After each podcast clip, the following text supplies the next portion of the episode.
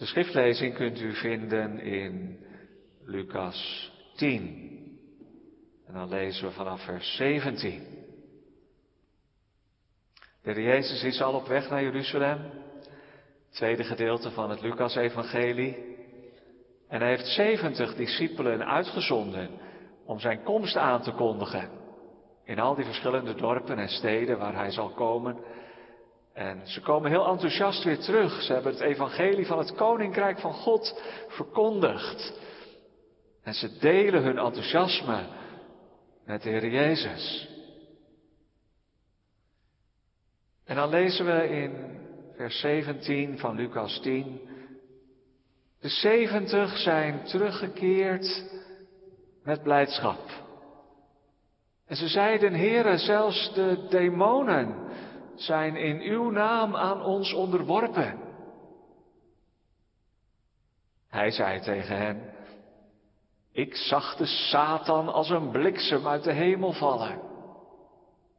Zie, ik geef u de macht om op slangen en op schorpioenen te trappen. En de macht over alle kracht van de vijand. En niets zal u schade toebrengen. Verblijd u echter niet daarover dat de geesten aan u onderworpen zijn. Maar verblijd u erover dat uw namen opgeschreven zijn in de hemel. Op dat moment verheugde Jezus zich in de geest. En hij zei, ik dank u, Vader, Heere van de hemel en van de aarde, dat u deze dingen voor wijzen en verstandigen verborgen hebt. En ze aan jonge kinderen hebt geopenbaard. Ja, Vader, want zo was het uw welbehagen. Alle dingen zijn mij overgegeven door mijn Vader. En niemand weet wie de zoon is dan de vader. En wie de vader is dan de zoon. En hij aan wie de zoon het wil openbaren. En hij keerde zich naar de discipelen en zei tegen hen alleen. Zalig zijn de ogen die zien wat u ziet. Want ik zeg u dat veel profeten en koningen de dingen hebben willen zien die u ziet. En ze hebben ze niet gezien. En horen de dingen die u hoort. En ze hebben ze niet gehoord.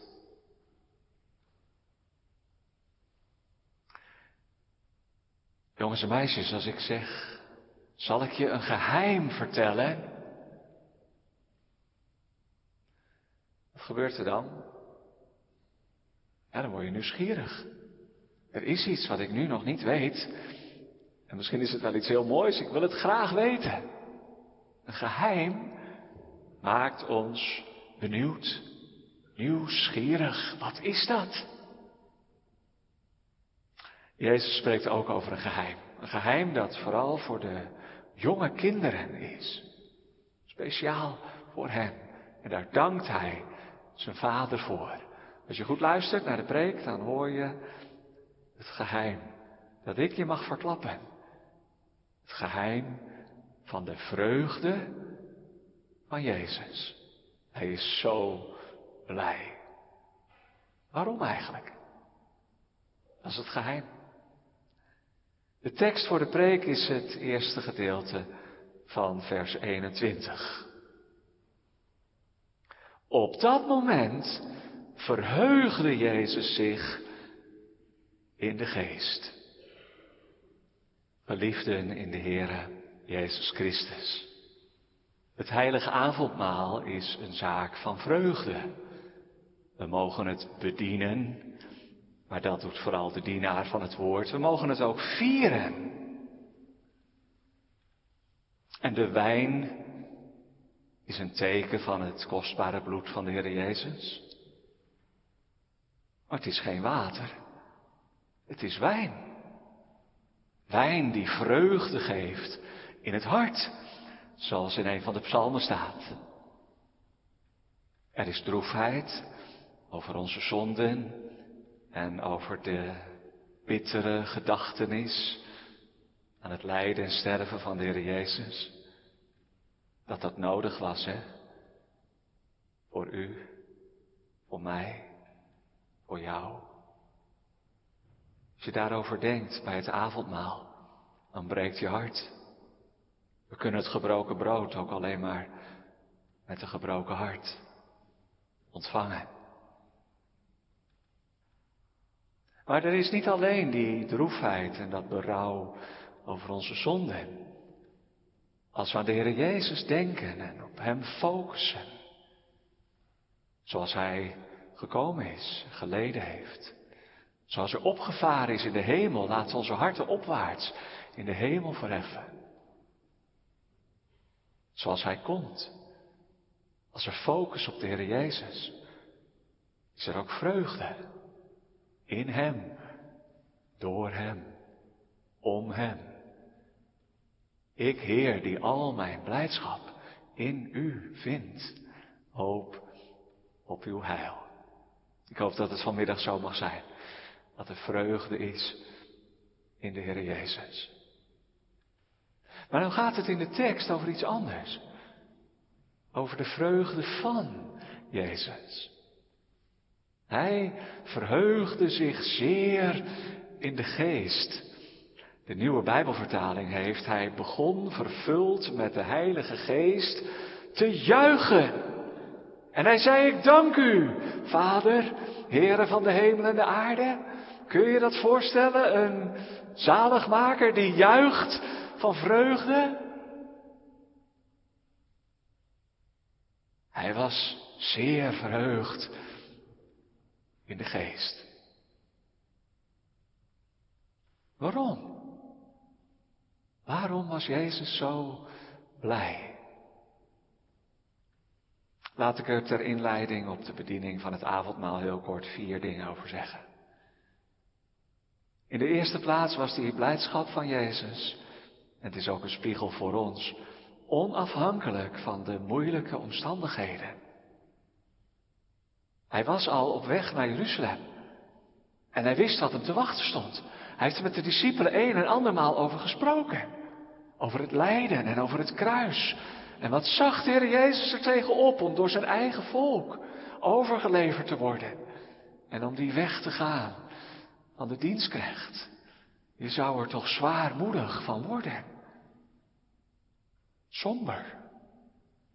Maar ondanks dat vooruitzicht is de Heer Jezus blij. Tenminste wel op dit moment. Je hoeft niet en je kunt niet altijd blij zijn. Maar de blijdschap in God staat wel los van, is onafhankelijk van de omstandigheden waarin je verkeert. Zijn er niet christenen die het moeilijk hebben, vervolgd en verdrukt worden, of ernstig ziek zijn, die hun troost, hun kracht, hun vreugde in God kunnen vinden? En dat gaat al het andere te boven. Het verdriet is er en dat mag er zijn. Het is soms een glimlach door de tranen heen. Een diepe bron van vreugde, ondanks alles. En als dat voor ons soms al zo mag zijn, hoeveel te meer voor de Heer Jezus. Hij wist wat hem te wachten stond. Maar hij verheugde zich zeer in de geest. Ja, er staat zelfs in Hebreeën om de vreugde die hem in het vooruitzicht was gesteld, heeft hij het kruis verdragen en de schande veracht. Dus die vreugde was voor de Heer Jezus een bron om het vol te houden. Ondanks alles. En dan, dat is het tweede, die vreugde is niet gebaseerd op de overwinning die hij zal gaan behalen. De overwinning in die geestelijke strijd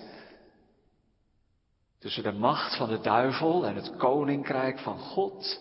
Tenminste, luister maar wat hij zegt tegen de discipelen als ze in hun enthousiasme terugkomen en zeggen zelfs de demonen zijn aan ons onderworpen.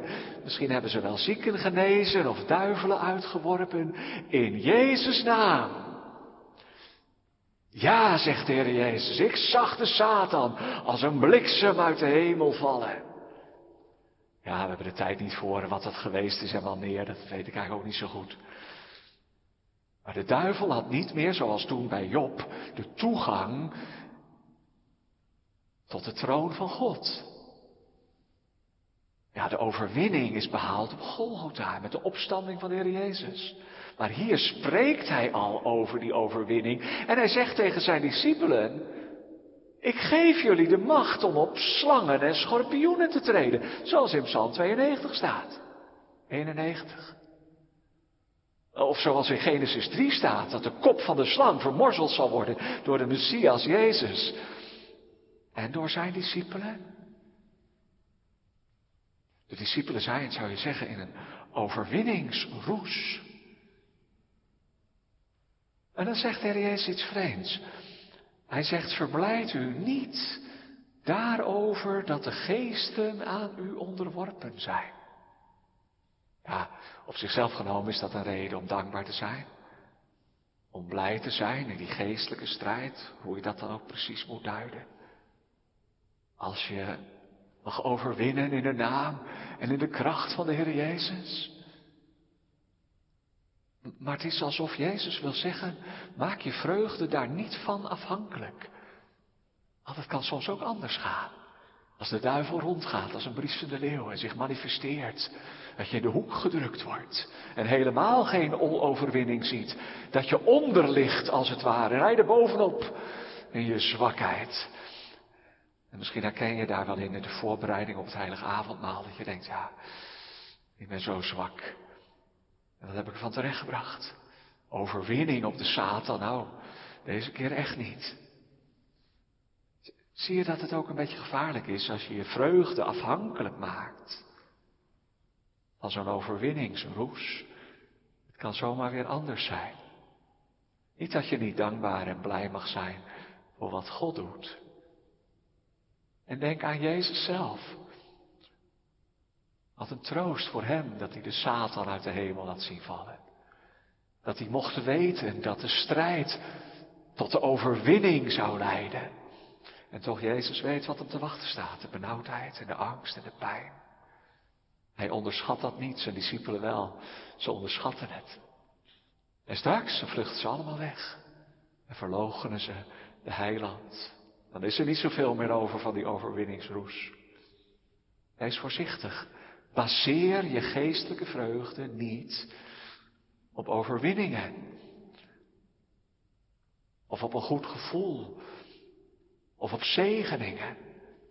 Want als de beproeving komt, zou je het misschien kwijt kunnen raken. Wat dan wel? Dat is het derde. Hij zegt, verblijd je veel meer en dat is natuurlijk een wisselwerking tussen hun blijdschap en zijn vreugde. Op dat moment verheugde hij zich in de geest. Verblijd je veel meer dat jullie namen opgeschreven zijn in de hemelen. Dat God je kent. Bij namen. Dat is de bron van blijdschap. Dat ligt ook vast. Wat hier op aarde gebeurt, dat kan wisselen. Hoe wisselvallig zijn we zelf? Kijk eens omhoog. Zie je in gedachten die boekrol? Met al die namen. Het boek van het leven van het lam. Staat jouw naam er ook bij?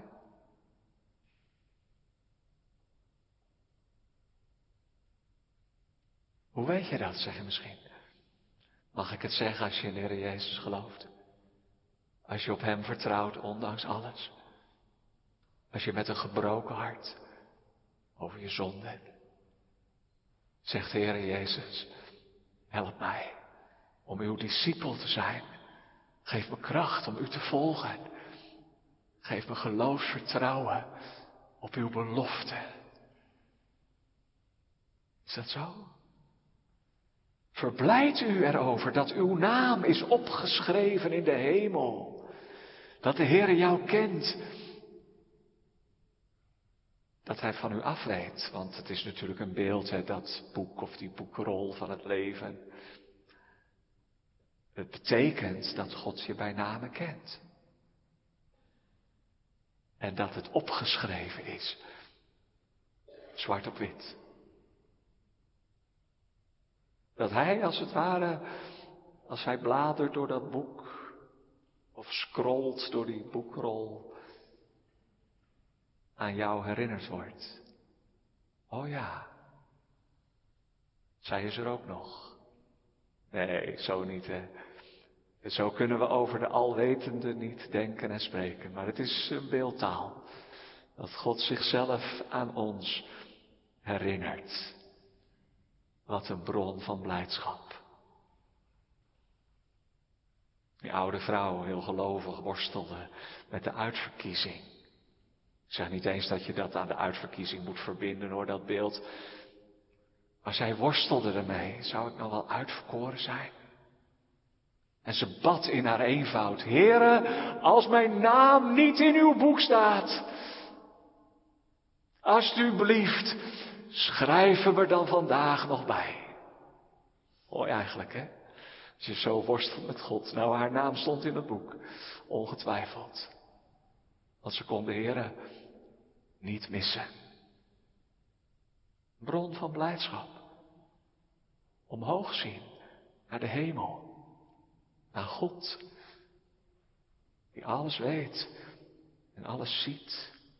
Die ons bij name kent. En dan tenslotte, dat is nou ook voor de Heer Jezus. Het geheim. De bron van vreugde. Om dat geheim eh, te delen. Jongens en meisjes, wat is het geheim? Hij spreekt er zelf over. Niemand weet het. Niemand weet wie de Vader is. Behalve de Zoon. En ook andersom, niemand kent de zoon, behalve de vader.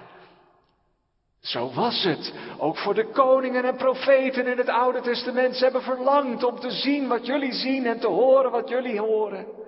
Maar het was de tijd nog niet. Ik ben gekomen uit de hemel om het geheim van God te verklappen, te openbaren. Wie de Vader is en wie de zoon is. En aan wie de zoon het wil vertellen. Het is voor wijzen en verstandigen verborgen. Het is een mysterie. Je kunt er nog zo over nadenken en op studeren, maar het duizeltje. God, Vader, en de Zoon en de Heilige Geest. Maar dat is nou iets wat voor de kleine kinderen geopenbaard wordt. Wat aan hen bekendgemaakt wordt.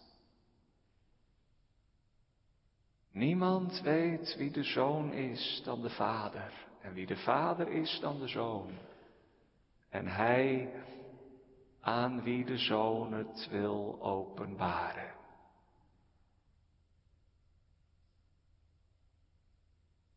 Mag ik je geheim vertellen? Zegt de Heer Jezus. Weet je wel wie mijn vader is?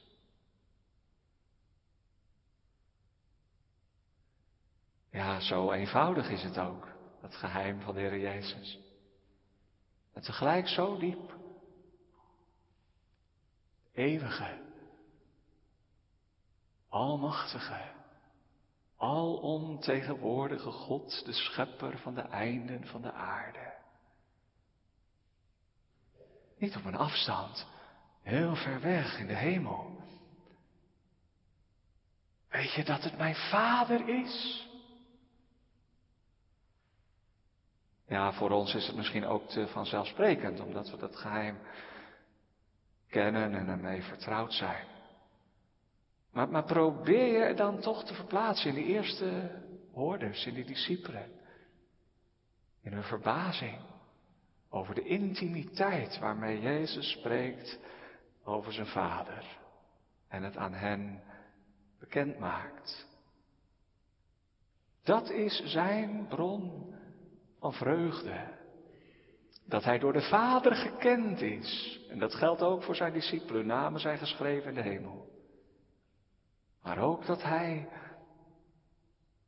de Vader bekend mag maken.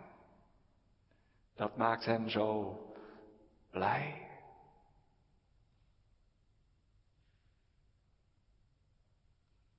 Ja, dat is heel diep. Daarmee gaan we over naar de bediening van het avondmaal. De vreugde van Jezus. Dat is vreugde in God. Om ons. Hij is blij met zijn discipelen. Hij weet wat hem te wachten staat en hij weet dat ze hem zullen verloochenen en weg zullen vluchten. En toch is hij zo blij met hem. Geloof je dat? Weet je nog van de goede herder? Eén schaap verloren. En toen hij het gevonden had, nam hij het op zijn schouders, verblijd zijnde. Hij was zo blij.